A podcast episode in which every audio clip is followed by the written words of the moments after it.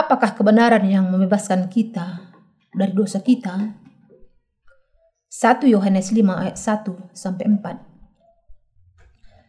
Setiap orang yang percaya bahwa Yesus adalah Kristus, lahir dari Allah, dan setiap orang yang mengasihi Dia yang melahirkan, mengasihi juga Dia yang lahir daripadanya. Inilah tandanya bahwa kita mengasihi anak-anak Allah yaitu apabila kita mengasihi Allah serta melakukan perintah-perintahnya. Sebab inilah kasih kepada Allah, yaitu bahwa kita menuruti perintah-perintahnya. Perintah-perintahnya itu tidak berat, sebab semua yang lahir dari Allah mengalahkan dunia.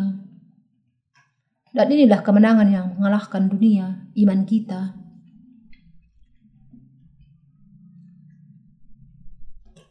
Mari kita merenungkan iman Nuh. Perkataan di dalam kejadian 6 ayat 1 sampai 8 adalah demikian. Ketika manusia itu mulai bertumbuh banyak jumlahnya di muka bumi dan bagi mereka lahir anak perempuan, maka anak-anak Allah melihat bahwa anak-anak perempuan manusia itu cantik-cantik Lalu mereka mengambil istri dari antara perempuan-perempuan itu. Siapa saja yang disukai mereka. Berfirmanlah Tuhan, rohku tidak akan selama-lamanya tinggal dalam manusia, karena manusia itu adalah daging. Tetapi umurnya akan 120 tahun saja. Pada waktu itu, orang-orang raksasa ada di bumi. Dan juga pada waktu Sesudahnya, ketika anak-anak Allah menghampiri anak-anak perempuan manusia, dan perempuan-perempuan itu melahirkan anak bagi mereka, inilah orang-orang yang gagah perkasa di zaman purbakala, orang-orang yang kenamaan. Ketika dilihat Tuhan bahwa kejahatan manusia besar di bumi dan bahwa segala kecenderungan hatinya selalu membuahkan kejahatan semata-mata. Maka menyesallah Allah Tuhan bahwa ia telah menjadikan manusia di bumi dan hal itu memilukan hatinya. Berfirmanlah Tuhan, Aku akan menghapuskan manusia yang telah ciptakan itu dari muka bumi baik manusia maupun hewan dan binatang-binatang melata dan burung-burung di udara. Sebab aku menyesal bahwa aku telah menjadikan mereka. Tapi Nuh mendapat kasih karunia di mata Tuhan. Bagian Alkitab ini menjelaskan mengapa Allah harus menghakimi manusia pada zaman Nuh. Allah harus menghakimi manusia pada zaman itu karena anak-anak Allah sudah bersekutu dengan anak-anak perempuan manusia. Setelah melihat kecantikan mereka, Allah memberikan penjelasan yang sederhana dan mudah dibapak dan mudah dipahami tentang penghakiman kepada manusia yang bahkan anak kelas 1 sekolah dasar juga bisa memahaminya tanpa masalah. Ada kisah lucu di saat ini, bahkan anak-anak sekolah dasar sering diberi tugas essay sebelumnya. Mereka tidak diminta menuliskan essay sampai sudah kelas yang cukup tinggi di sekolah dasar. Di antara anak sekolah minggu kami, Hamin yang masih kelas 1 diminta untuk menulis esai. Tugasnya adalah untuk menuliskan sebuah esai setelah membaca dongeng. Hans Christian Andersen yang berjudul Gadis Korek Api. Anak itu menyelesaikan tugasnya dengan sangat cepat dan nampaknya tidak mengalami kesulitan dan lari keluar untuk bermain dengan teman-temannya. curiga ayah dari anak ini melihat tulisan esai anaknya. Anak itu menuliskan, gadis korek api mati karena tidak bisa menjual satu korek api pun.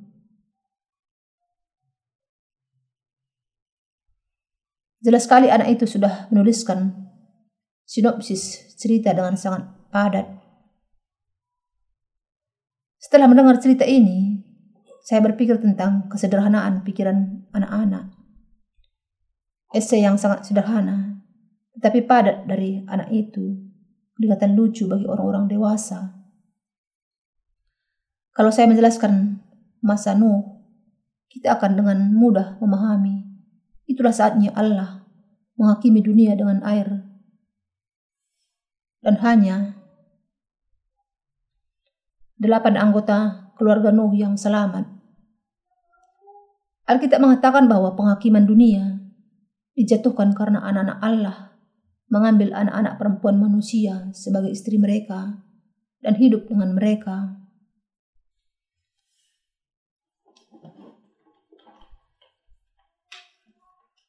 Pada saat itu, air keluar dari semua mata air di dalam bumi, dan jendela langit terbuka mencurahkan air.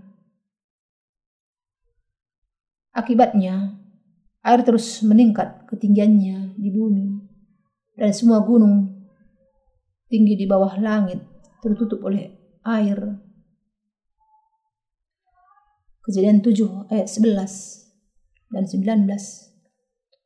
Manusia menjelaskan secara fisik, fisika, air bah zaman Nuh. Demikian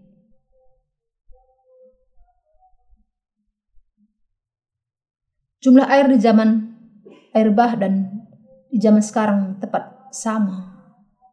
Tetapi adanya air yang membeku di kutub utara dan selatan membuat terjadinya daratan seperti sekarang.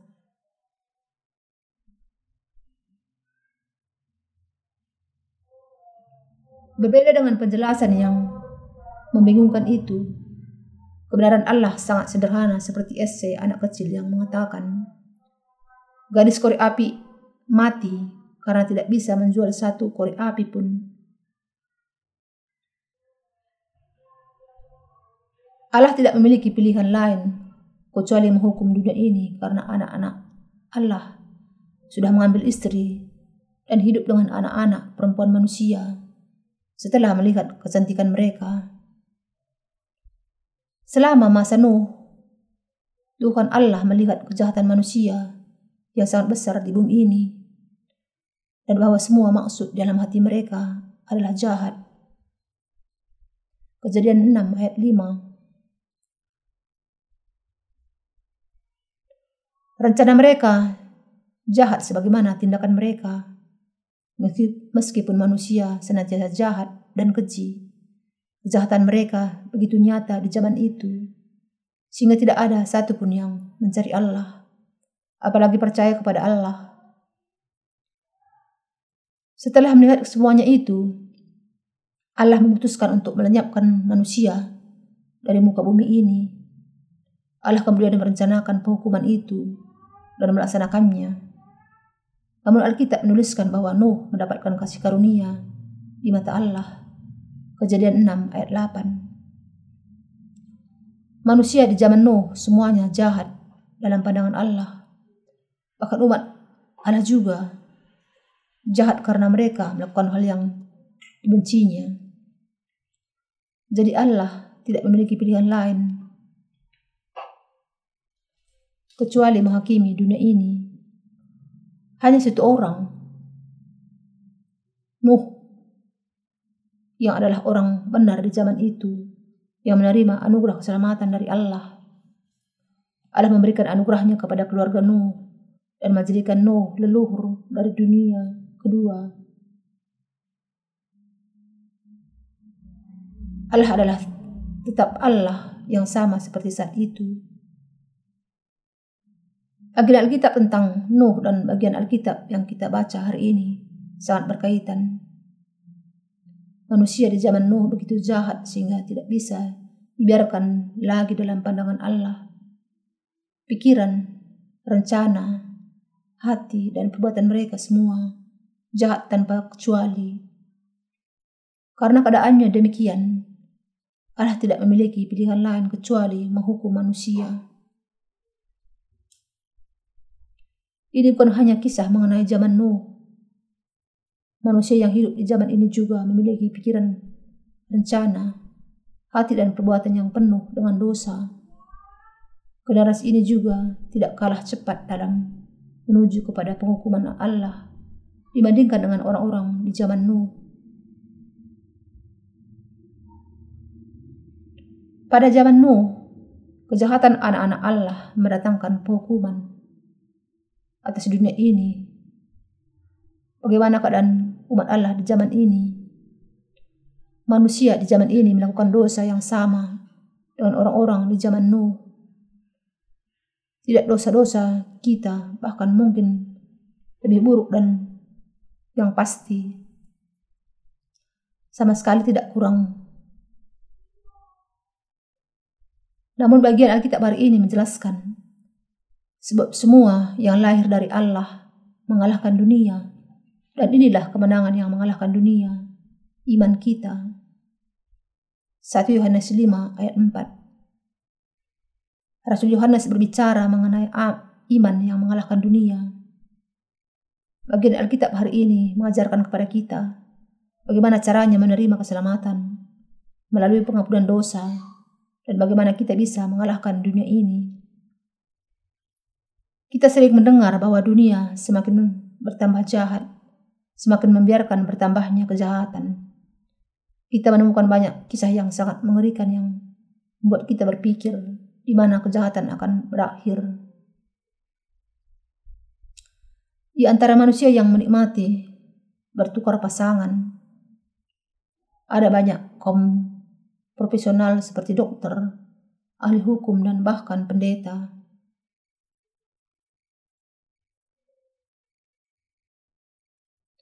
Orang-orang itu berpendidikan dan memiliki status sosial yang relatif tinggi. Mereka adalah kaum elit yang tidak terlalu bermasalah dalam hal keuangan. Orang-orang itu yang seharusnya menjunjung tinggi tanggung jawab moral, mengadakan klub yang menikmati untuk bertukar pasangan. Alkitab menuliskan bahwa orang-orang di Sodom dan Gomora di zaman Abraham melakukan dosa yang mirip dengan orang yang melalui kota mereka, baik pria maupun wanita.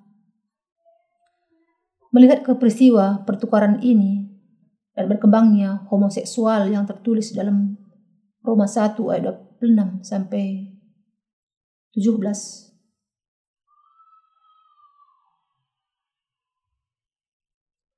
Kita bisa melihat bahwa dosa-dosa dunia tidaklah berubah dari zaman itu.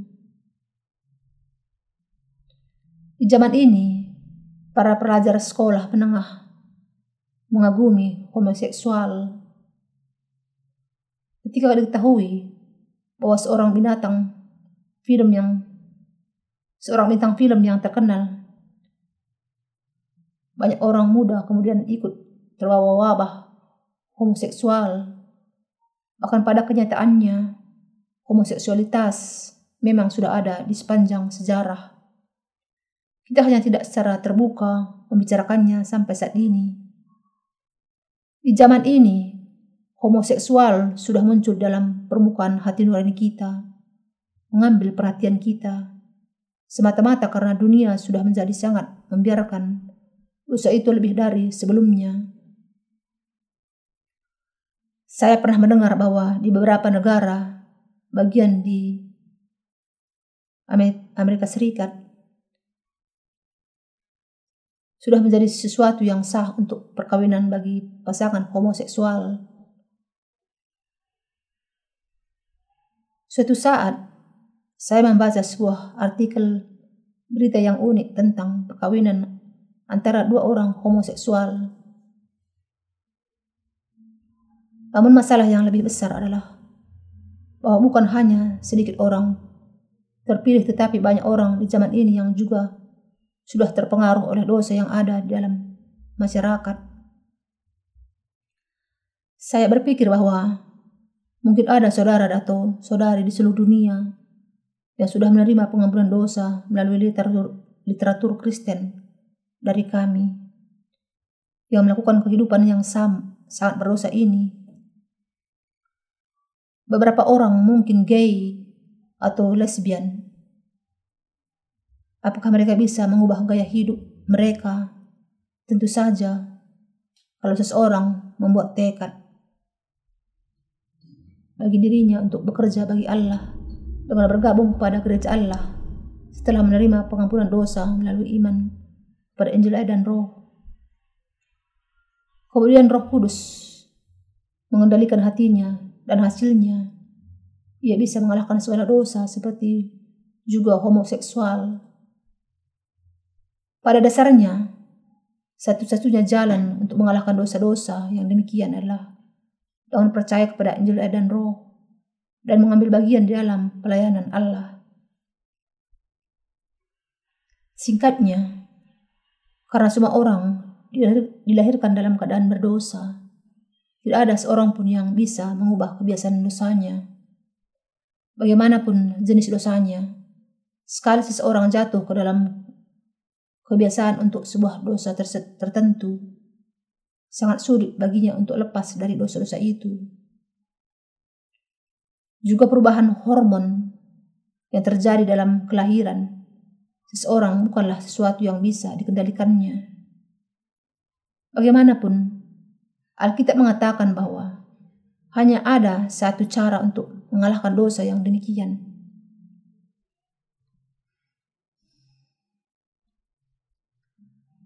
Jenis iman yang bagaimana yang memampukan kita mengalahkan segala dosa kita sendiri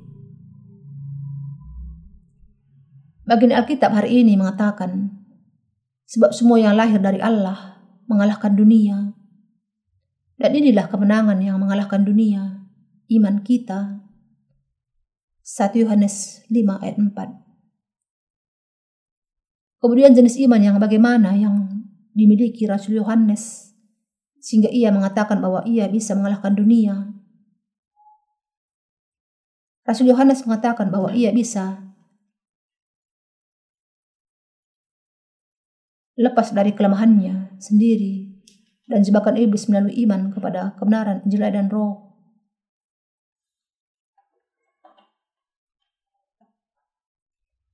Ayat ini, ayat hari ini menjelaskan tentang iman yang mengalahkan segala dosa dunia. Semua manusia memiliki dosa, kebiasaan. Ada di antara manusia yang homoseksual, gay atau lesbian. Dengan kata lain, ada banyak orang yang melakukan dosa homoseksualitas karena perbedaan hormon yang tidak normal. Homoseksualitas diakibatkan oleh perubahan hormonal. Melalui perubahan hormonal, berapa saudara kita mungkin memiliki dorongan seksual kepada pria dan bukannya kepada wanita. Dan demikian juga saudari kita mungkin memiliki kesukaan kepada wanita lain dan bukannya kepada pria. Bagaimana kita bisa mengalahkan dosa-dosa yang demikian yang dilakukan karena permasalahan organis seseorang? Kita pasti bisa mengalahkan dosa-dosa kita dengan menerima pengampunan dosa melalui iman kita kepada Yesus Kristus yang datang dengan air darah dan roh kudus. Yang harus kita pahami adalah bahwa Injil dan roh memiliki kuasa yang cukup untuk mengalahkan dunia. Pertanyaan yang paling penting adalah bagaimana kita bisa mengalahkan arus yang kuat dari begitu banyak dosa-dosa di dunia ini. Saya tahu bahwa kita mati tenggelam dalam dosa, tidak bisa mengalahkan segala dosa. Kecuali kalau kita memiliki iman yang kuat kepada kebenaran Injil dan Roh. Daging kemanusiaan kita tidak akan pernah bisa sendirian saja mengalahkan gelombang besar dosa. Kecuali kalau seseorang sudah mati terhadap daging, orang itu tidak akan bisa mengalahkan segala dosa dunia. Manusia adalah orang-orang berdosa yang melakukan dosa karena nafsunya. Untuk mengalahkan segala dosa itu, seseorang harus percaya kepada Injil dan Roh dan membebaskan kita dari segala hawa nafsu kita. Dalam iman kita kepada kebenaran Injil dan Roh, kita bisa membebaskan diri kita dari segala hawa nafsu kita. Sekali kita lepas dari segala hawa nafsu kita, kita akhirnya akan bisa mulai menghidupi kehidupan yang benar. Beberapa agama seperti Buddha mengajarkan kelepasan dari hawa nafsu kedagingan akan terjadi dalam kematian diri seseorang.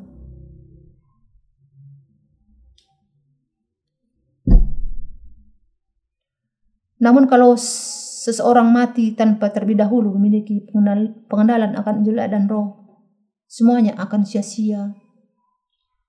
Bahkan kalau seseorang sungguh-sungguh ingin lepas dari hati atau kebiasaan berdosanya,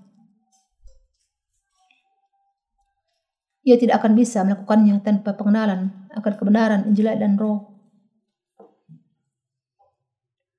Beberapa orang beragama mungkin mengatakan bahwa mereka sudah berhasil dalam melepaskan diri dari keinginan daging. Tetapi tidak ada seorang pun yang sudah sungguh-sungguh mencapai hal itu tanpa mengalami ketentuan, mengalami kematian daging, atau memiliki pengenalan akan Injil dan Roh. Saya menyaksikan sebuah acara jaringan TV Buddha mengenai seorang biarawati yang mengajar tentang agama Buddha dan membagikan pemahamannya akan agama. Meskipun ia sudah membaca banyak buku tentang agama Buddha dan bertemu dengan banyak biarawan untuk belajar pribadi. Ia mengaku bahwa ia hanya bisa hidup sesuai dengan kebiasaannya dan bukan sesuai pengajaran yang diberikan. Seolah-olah ia langsung melupakan semua pengajaran itu. Karena itu, ia ingin membebaskan dirinya dan ia merasa kehidupannya merupakan neraka bagi dirinya. Karena ia tidak bisa bebas dari doktrin pemindahan dalam agama Buddha. Kemudian dengan cara tertentu, ia menyimpulkan bahwa satu-satunya cara ia lepas dari keinginan daging adalah dengan keluar dari hidup di dunia ini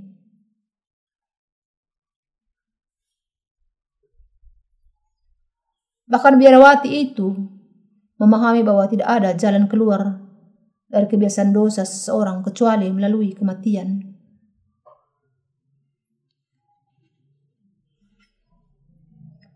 Namun kita orang-orang percaya kepada kebenaran Injil dan Roh adalah umat Allah sendiri yang bisa mengalahkan dunia dengan percaya bahwa Yesus menerima baptisan dari Yohanes Pembaptis dan mencurahkan darahnya yang mahal di kayu salib ini tidak berarti bahwa kita tidak melakukan dosa lagi. Namun kita terus melakukan dosa. Kalau seseorang terus melakukan dosa setiap hari, bagaimana ia bisa mengalahkan segala dosa dunia ini? Kalau kita tidak memahami kedalaman kebenaran Injil dan Roh, kita tidak akan pernah mengalahkan dunia maupun iblis. Bisakah kita lepas dari kebiasaan dan daging kita sendiri?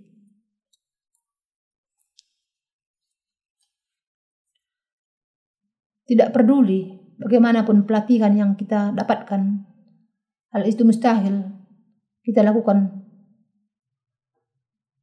Seseorang bebas dari dosanya hanya melalui iman kepada kebenaran Injil dan Roh. Karena itu, kita harus memahami kebenaran pembasuhan dosa, yaitu Injil dan Roh, dengan lebih mendalam.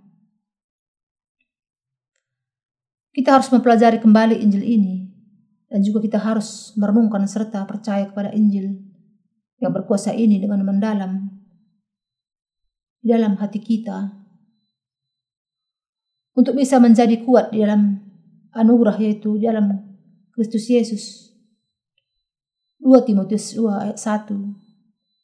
Kita harus terlebih dahulu menerapkan hukum itu bagi diri kita sendiri sehingga kita bisa memahami betapa kita juga adalah orang-orang yang berdosa besar.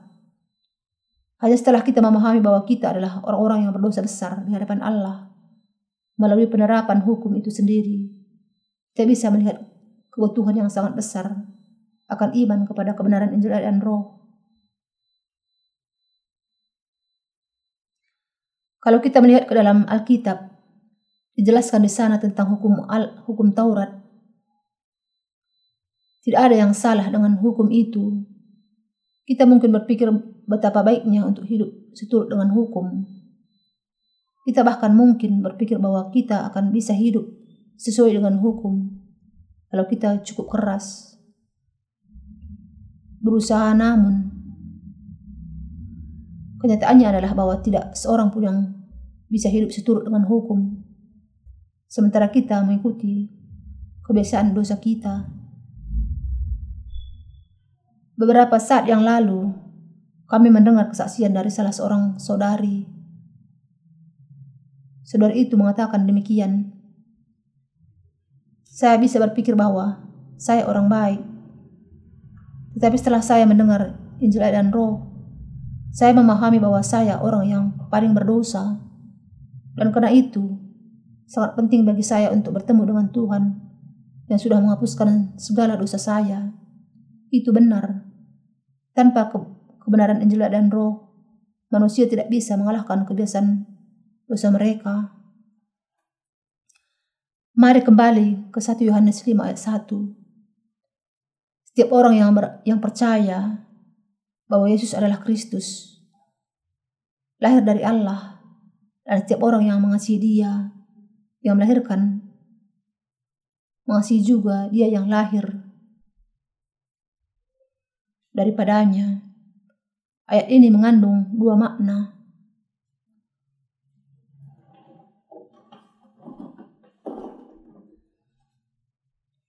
Pertama, di sana dikatakan bahwa semua orang yang percaya bahwa Yesus adalah Kristus dilahirkan dari Allah.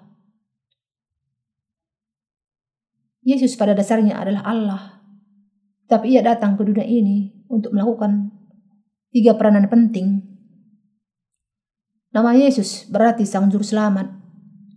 Yesus Kristus sudah menjadi Juru Selamat kita dengan menggenapkan Injil air dan Roh dengan melakukan tiga peranannya. Peran sebagai imam besar, nabi, dan raja.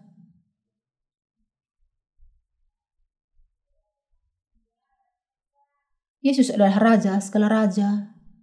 Ia adalah Allah yang maha kuasa dan juga imam besar surgawi.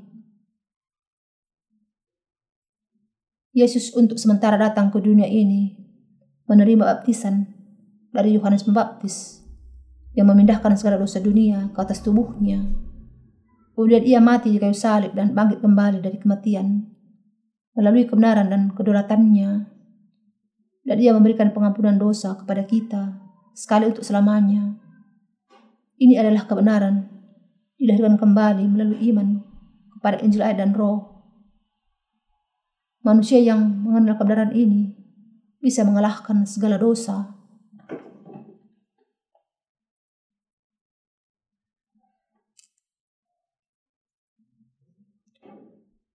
1 Yohanes 5 ayat 20 mengatakan,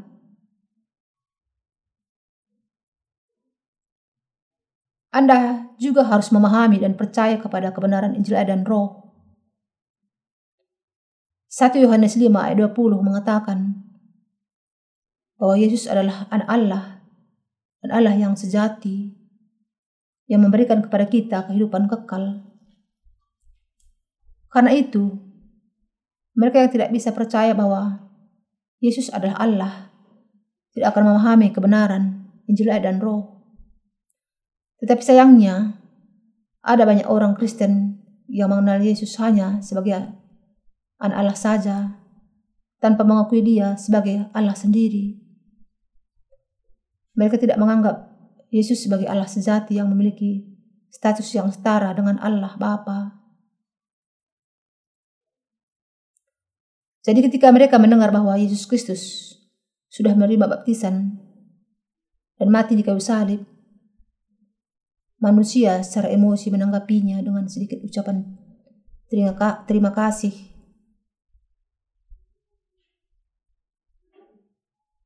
Dan tidak bisa menangkap keseluruhan makna dari peristiwa yang sangat agung ini.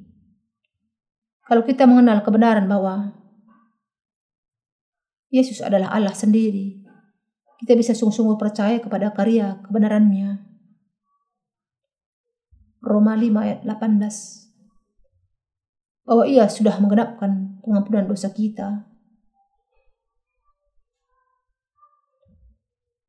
Karena Yesus Sang Allah sejati adalah anak domba Allah yang membawa segala dosa dunia. Kita bisa percaya kepada baptisannya oleh Yohanes Pembaptis dan darahnya yang dicurahkannya di kayu salib. Kenyataan bahwa Yesus dibangkitkan dari kematian bisa terjadi karena Yesus sang Allah yang benar menanggung segala dosa kita kepada dirinya. Kita harus memahami dan percaya bahwa Yesus pada dasarnya adalah Allah Juru selamat kita yang memakai tubuh manusia untuk sementara waktu. Karena itu, kalau kita percaya, maka kita tidak merendahkan Yesus Kristus. Dalam hakikatnya, kita harus memahami dengan tepat tentang Yesus Kristus yang adalah Allah yang benar. Kemudian kita akan bisa percaya kepada semua yang dilakukannya kepada kita manusia bisa percaya selama mereka paham. Jadi Rasul Yohanes mengatakan dalam 1 Yohanes 5 ayat 1, setiap orang yang percaya bahwa Yesus adalah Kristus, lahir dari Allah. Di dalam ayat ini, nama Kristus berarti Mesias, Sang Raja, yang diurapi dengan minyak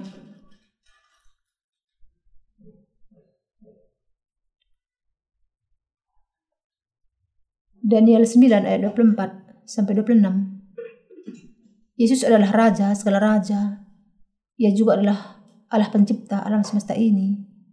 Kemudian Yesus Kristus juga adalah imam besar surgawi yang membebaskan semua manusia dari segala dosa dunia.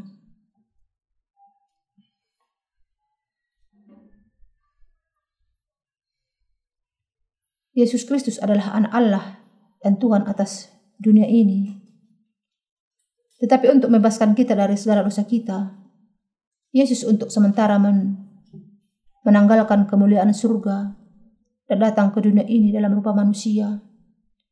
Ia menanggung segala dosa kita ke atas dirinya melalui baptisan yang diterimanya dari Yohanes Pembaptis dan mati di kayu salib, mencurahkan darahnya yang mahal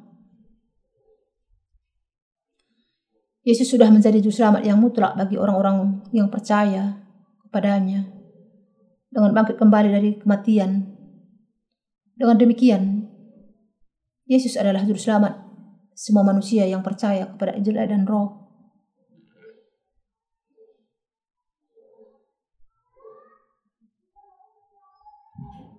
Yesus juga adalah imam besar surgawi.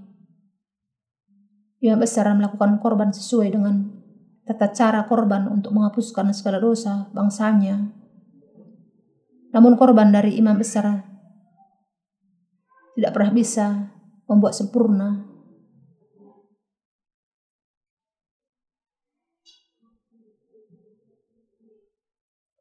Ibrani 10 ayat 1 Tetapi kita sudah dikuduskan sekali untuk selamanya dengan percaya kepada korban kekal yang diberikan Yesus Kristus imam besar surgawi yang mengorbankan tubuhnya sendiri. Ibrani 10 ayat 10. Jadi Yesus Kristus adalah jalan kebenaran dan hidup bagi kita semua. Yesus Kristus sudah mengajarkan kita kebenaran yang sejati yang membawa kita kepada kehidupan kekal. Lebih lagi, Yesus adalah anak Allah yang sejati, yang besar surgawi, dan juru selamat yang mengajar kita jalan untuk menerima pengampunan dosa. Yesus sudah datang ke dunia ini sebagai Allah, anak Allah, juru selamat kita, imam besar, nabi dan raja segala raja. Yesus Kristus adalah Allah yang sejati, yang sudah membebaskan kita dari segala dosa kita melalui air, darah, dan roh kudus. 1 Yohanes 5 ayat 8 Tuhan kita sudah membebaskan kita dari segala dosa dunia, sekali untuk selamanya melalui kebenaran Injil dan roh. Saudara seiman yang kekasih, bukankah memang pasti bahwa kebenaran Injil dan roh sudah membuat Anda dilahirkan kembali? Kita yakin bahwa baptisan Yesus, darahnya di kayu salib, dan kebangkitannya dari kematian dilakukan untuk pengampunan dosa kita. Semua orang yang percaya kepada kebenaran ini menerima pengalaman untuk dilahirkan kembali dan juga pengampunan dosa. Kita menerima pengampunan dosa melalui iman kepada firman Injil dan Roh. Kita juga menerima Roh Kudus sebagai anugerah. Ketika Allah menerima iman kita, Sekarang kita sudah menjadi dilahirkan kembali melalui iman kita kepada Injil dan Roh. Bagi kita yang dilahirkan dari Allah, percaya bahwa Yesus adalah Allah dan sekaligus juga anak Allah. Allah Bapa sudah mengutus anaknya ke dunia ini. Kalau kita mengatakan bahwa kita mengasihi Allah Bapa, kita harus juga mengasihi Yesus Kristus yang lahir yang dari Bapa.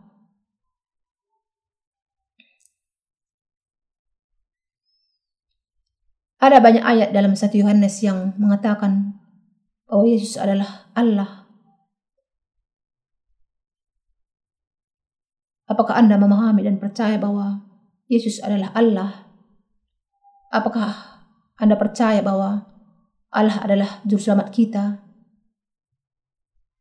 Kita percaya bahwa Allah adalah juru selamat kita. Saya berharap bahwa Anda memiliki iman ini. Iman ini percaya bahwa Yesus pada dasarnya adalah Allah. Yesus adalah Allah, Sang Pencipta yang menciptakan alam semesta dan semua yang ada. Yesus Kristus bersama dengan Allah Bapa dan Roh Kudus sudah menciptakan semua manusia semua makhluk. Allah Bapa, Anak, Allah, dan Roh Kudus adalah setara bahwa bagi kita. Setara Allah bagi kita. Allah Tritunggal sudah menciptakan kita, membebaskan kita dari segala dosa kita, dan memberikan kehidupan kekal kepada kita. Apakah Anda tahu dan percaya bahwa Yesus adalah Allah dan Tuhan kita. Untuk mengikuti Yesus sebagai Tuhan dan Juru Selamat kita, kita harus percaya kepada kebenaran Injil dan Roh yang tidak berubah dan juga akan kenyataan bahwa Yesus adalah Allah. Semua hal lain kecuali kebenaran ini tidaklah lebih dari sekedar dogma keagamaan saja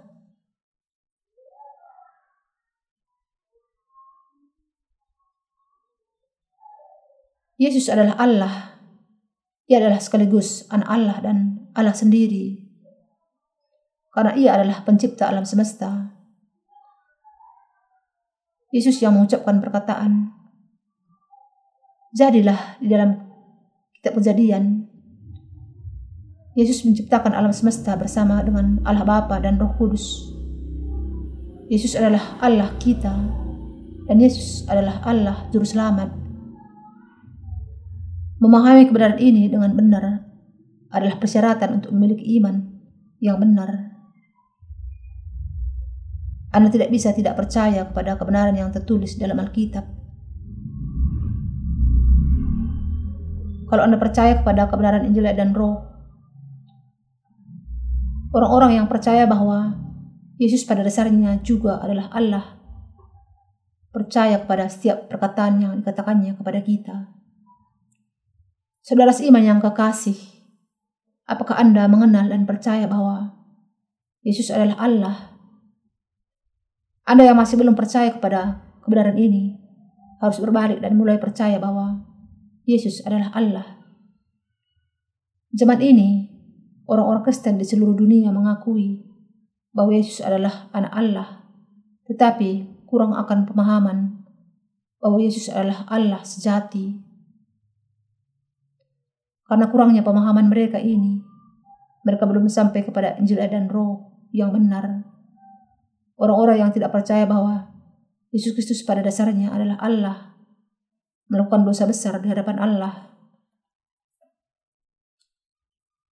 Rasul Yohanes mengatakan dalam 1 Yohanes 5 ayat 20, Dia atau Yesus Kristus adalah Allah yang benar dan hidup yang kekal. Allah adalah terang tanpa kegelapan. Terang ini menunjuk kepada Yesus Kristus. Yohanes 1 ayat 9 sampai 10. Ada adakah di antara Anda yang pernah melihat Allah dengan mata Anda? Tidak ada sa, tidak satu orang pun. Meski demikian, kita bisa mengatakan bahwa kita tahu siapakah Allah itu dan bahwa kita sudah melihat Dia karena kita sudah melihat Allah melalui Yesus Kristus yang sudah datang dengan air, darah, dan roh kudus. Yesus adalah Allah. Yesus Kristus, Allah kita adalah Allah yang tidak ada akan bisa berdusta. Kalau kita percaya bahwa Yesus Kristus adalah Allah, kita akan percaya kepada baptisan dan darah di kayu salib dari Yesus yang sudah datang dengan air, darah dan roh kudus sebagai keselamatan bagi kita. Yesus adalah Allah. Ia adalah Allah sejati dan kehidupan kekal. Saya berharap bahwa tidak ada satu orang pun yang tidak mau percaya kepada kebenaran Injil dan Roh karena kekurangan iman kepada keilahian Yesus. Apakah saya berbicara dengan fasih atau tidak kepada Anda. Saya mengulangi kebenaran ini dengan tujuan untuk menanamkan iman yang benar yang mengakui bahwa Yesus adalah pada dasarnya Allah dan Juru Selamat kita. Ketika kita memanggil Yesus, kita memanggil dia sebagai Tuhan dan Juru Selamat kita. Kita memanggil dia dengan gelar itu karena ia adalah Allah dan Juru Selamat kita yang sudah membebaskan kita dari segala dosa kita. Saya berharap dan berdoa dalam nama Allah agar Anda akan bisa memiliki iman ini dengan jelas di dalam hati Anda. Saya yakin bahwa ada banyak di antara saudara dan saudari di seluruh dunia yang putus asa dalam hati mereka karena kelemahan mereka. Tapi saya berharap agar Anda ingat bahwa kita memiliki iman kepada Injil dan Roh yang mengalahkan dunia dengan tuntas. Iman kita adalah iman kepada kebenaran Injil dan Roh. Kalau kita percaya kepada Injil dan Roh, dan dengan demikian dilahirkan dari Allah, kita pasti akan bisa mengalahkan dunia ini.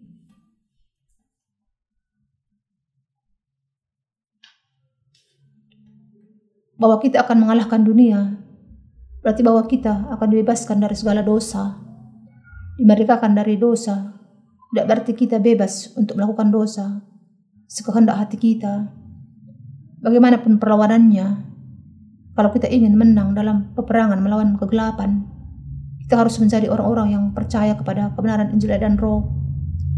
Iman yang benar yang harus kita miliki adalah iman kepada Injil dan Roh sebagai keselamatan kita yang sejati.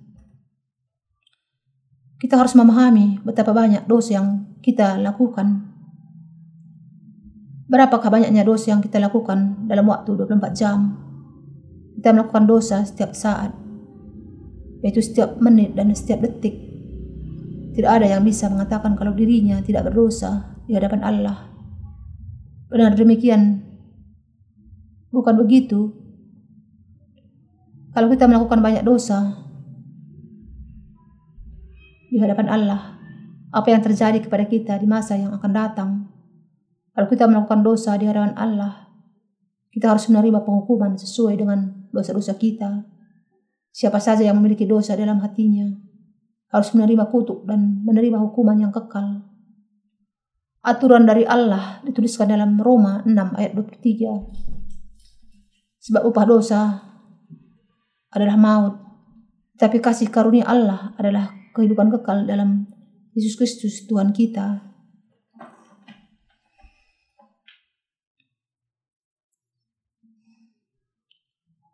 Allah mengatakan bahwa dosa adalah maut, tetapi Allah sudah memberikan pengampunan dosa kepada kita dan kehidupan kekal melalui Yesus Kristus.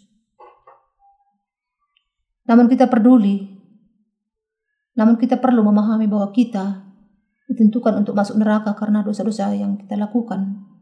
Sebelum, kita mengenal Injil dan Roh, kita harus mengakui bahwa pun hanya tindakan kejahatan, kejahatan kita, tetapi ada 12 jenis dosa yang kita warisi dari orang tua kita.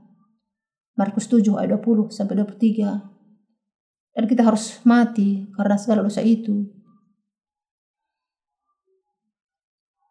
Kita ditentukan untuk menerima kutuk dan hukuman kekal di dalam api neraka karena dosa-dosa dan kelemahan kita itu. Saudara seiman yang kekasih, apakah Anda memahami bahwa inilah nasib Anda juga? Kalau Anda dan saya memiliki sedikit saja dosa, kita harus binasa karena dosa itu. Kita adalah orang-orang yang ditentukan untuk masuk neraka dan penghukuman karena dosa-dosa kita. Namun luar biasa sekali bahwa Allah sudah memberikan kepada kita karunia pengampunan dosa. Sebuah kebenaran yang ajaib bahwa Yesus datang ke dunia ini dan menerima baptisan dari Yohanes Pembaptis untuk menanggung segala dosa kita ke atas dirinya. Bagaimana dan Kapankah Yesus menanggung segala dosa manusia kepada dirinya? Kalau saya meminta Anda untuk menuliskan secara terperinci jawaban kepada pertanyaan itu, hanya sedikit orang Kristen zaman ini yang bisa menjawab dengan benar. Beberapa mungkin akan menuliskan segala dosa kita dihapuskan di kayu salib. Namun Yesus menanggung segala dosa dunia ketika ia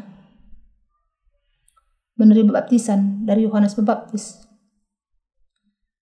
Yesus Juru Selamat kita adalah imam besar surgawi yang sudah memindahkan segala dosa dunia ke tubuhnya sendiri.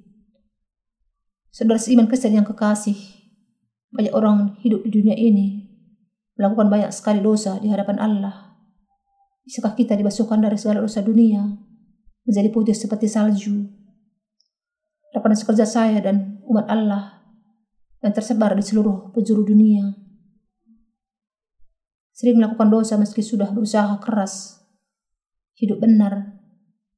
Bagaimana kita bisa mengalahkan segala dosa harian, yaitu dosa-dosa pribadi kita.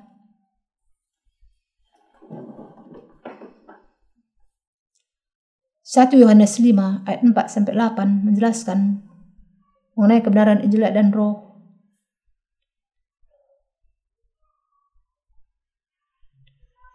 Tuhan kita sudah menyebut iman kepada Injil air dan roh sebagai iman yang benar. Iman yang mengakui bahwa Yesus Kristus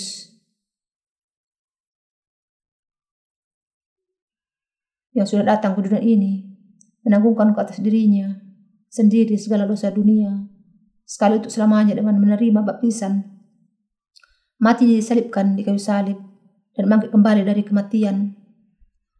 Hati kita dibasuhkan dari segala dosa kita dan menjadi lebih ringan dari bulu melalui iman kepada kebenaran yang datang dengan air, darah dan roh kudus. Kita dibebaskan dari semua beban dosa kita karena Yesus menanggungkan ke atas dirinya dengan baptisan yang diterimanya.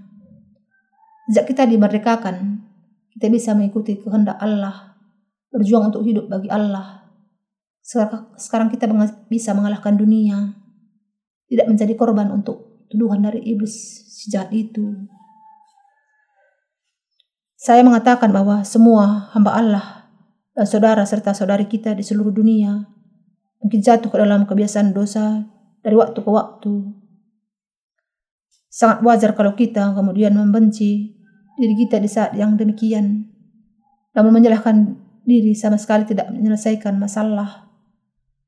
Ketika kita jatuh dan melakukan dosa, kita jangan memandang kepada diri kita sendiri, tetapi kepada Yesus Kristus yang memimpin kita dalam iman dan yang membawa iman kita itu kepada kesempurnaan.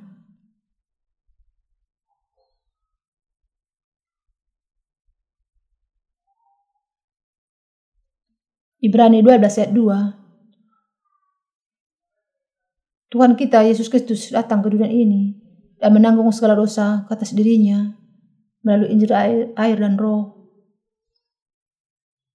Ia membasuhkan segala dosa kita sepenuhnya. Mengingat kenyataan ini akan menolong kita mengalahkan kelemahan kita ketika kita jatuh karena kita melakukan dosa setelah dibebaskan dari segala dosa kita. Kita harus mengakui dosa kita di hadapan Allah dan kemudian percaya kepada Injil air dan roh untuk mengalahkan segala dosa demikian. Kita harus mengakui iman kita sejalan dengan hakikat dosa kita. Allah meskipun saya sudah menerima pengampunan dosa melalui iman pada Injil dan roh, saya melakukan dosa lagi hari ini. Saya sudah melakukan dosa di hadapan firmanmu yang kudus. Saya adalah makhluk lemah, sehingga melakukan dosa setiap hari. Tapi saya percaya kepadamu, Tuhanku, saya percaya bahwa Engkau sudah memberikan pengampunan dosa melalui Injil dan Roh kepada saya. Kita harus mengakui dosa dan menegaskan kebenaran firman Allah bahwa Tuhan kita sudah menghapuskan segala dosa kita melalui Injil dan Roh. Kalau kita melakukannya, Beban dosa di dalam hati kita akan diangkat dan kita mendapatkan pengharapan baru.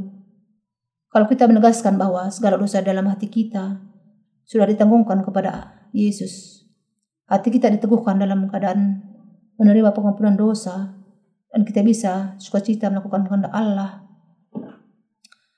Saya mengatakan bahwa Injil dan Roh adalah satu-satunya kuasa untuk mengalahkan dunia Selain dengan kita percaya kepada Injil air dan roh, tidak ada jalan lain bagi kita untuk mengalahkan dunia. Tanpa percaya kepada Injil yang benar ini, kita tidak bisa mengalahkan iblis, si jahat dan diri kita sendiri. Tuhan kita sudah membebaskan kita melalui Injil air dan roh. Kita yang sebenarnya tidak bisa mengalahkan kebiasaan dunia dan keinginan daging kita. Tuhan tidak memerintahkan agar kita mengalahkan dunia dengan kekuatan sendiri. Namun ia mengatakan bahwa ia sendiri sudah berperang melawan dunia dan menang. Serta mengatakan, Aku telah mengalahkan dunia. Yohanes 16 ayat 33. Kita harus memahami bahwa Allah sudah mengucapkan kata kemenangan kepada kita. Tuhan kita memerintahkan agar kita memandang kepada kebenaran Injil air dan roh. Karena melalui kebenaran ini, ia sudah menanggungkan segala dosa, segala dosa kita kepada dirinya, melenyapkan segala dosa itu, dan memberikan pengampunan dosa kepada kita. Ia mengatakan supaya kita sendiri tegak di hadapan Allah dan bersyukur kepadanya dalam iman kita kepada kebenaran. Kita tidak seharusnya mengatakan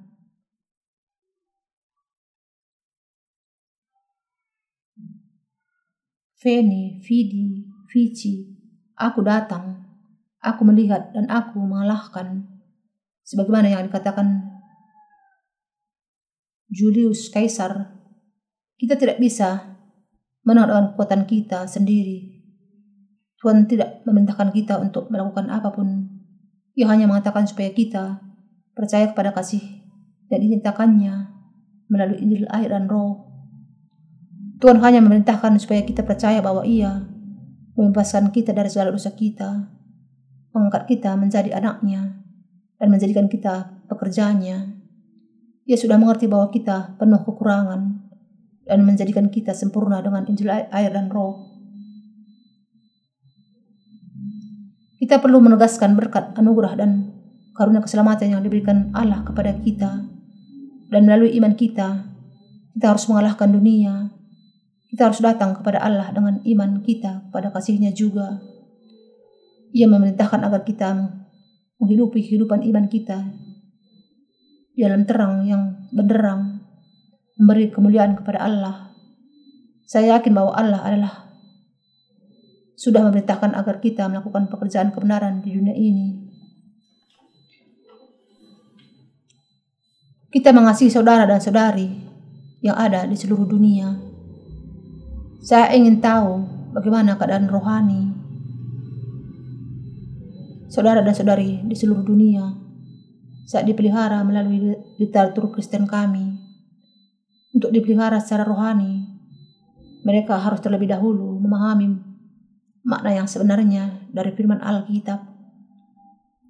Hanya dengan itu, mereka bisa memahami makna rohaninya.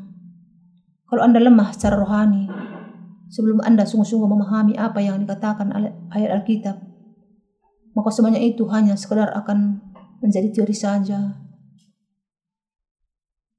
Kalau kita mendengar kepada firman Allah tanpa memiliki iman kepada Injil air dan roh, hasilnya tidak akan baik. Iman kita harus menjadi satu dalam keserasian antara intelek, perasaan, dan kehendak kita. Kemudian kita akan memahami dengan benar, merasa dengan benar, dan bertindak dengan benar. Kita harus sungguh-sungguh memahami dengan benar, agar bisa membedakan apa yang benar dengan yang salah di hadapan di dalam perasaan kita. Itu akan menentukan apakah saya bisa berdiri dengan layak di hadapan Allah kita perlu iman yang dibangun di atas dasar intelek, perasaan dan kehendak yang benar. Anda orang-orang yang percaya kepada Injil air dan roh di seluruh dunia, tidak boleh hanya memberitakan Injil saja, tapi juga harus terus menguji diri apakah Anda percaya kepada Injil yang indah ini dengan benar. Kita harus mengaku, mengakui dengan jujur di hadapan Allah bahwa kita adalah makhluk yang tidak bisa, tidak melakukan dosa setiap hari karena kelemahan kita, dan kemudian kita menanggungkan segala dosa kita pada Allah dengan menegaskan kembali firman Injil ayat dan roh. Dengan itu, kita bisa berdiri teguh kembali dan berlomba dalam perlombaan iman kita tanpa henti. Saya berharap bahwa iman yang benar akan ada di dalam kehidupan Anda juga. Bagian Alkitab hari ini mengatakan Sebab semua yang lahir dari Allah mengalahkan dunia. Dan inilah kemenangan yang mengalahkan dunia, iman kita. 1 Yohanes 5 ayat 4. Saya dengan sungguh-sungguh berharap bahwa Anda akan memiliki iman yang mengalahkan dunia. Untuk itu, kita harus terlebih dahulu mendengar dan belajar akan Injil kebenaran. Kemudian kita akan memiliki iman yang benar di dalam kehidupan kita. Iman yang benar bukan hanya sekedar berasal dari perasaan tetapi dari kebenaran itu sendiri. Tuhan kita sudah mengatakan, kamu akan mengenal kebenaran dan kebenaran itu akan memerdekakan kamu. Yohanes 8 ayat 32. Anda harus memahami kebenaran yang sebenarnya untuk bisa percaya kepada kebenaran ini. Bagaimana kita bisa percaya kepada kebenaran Injil dan Roh kalau kita tidak memahaminya? Bagaimana mungkin perasaan muncul tanpa alasan? Saya ingin menyimpulkan berita hari ini dengan ucapan syukur akan kenyataan bahwa iman yang mengalahkan dunia ada dalam Injil air dan roh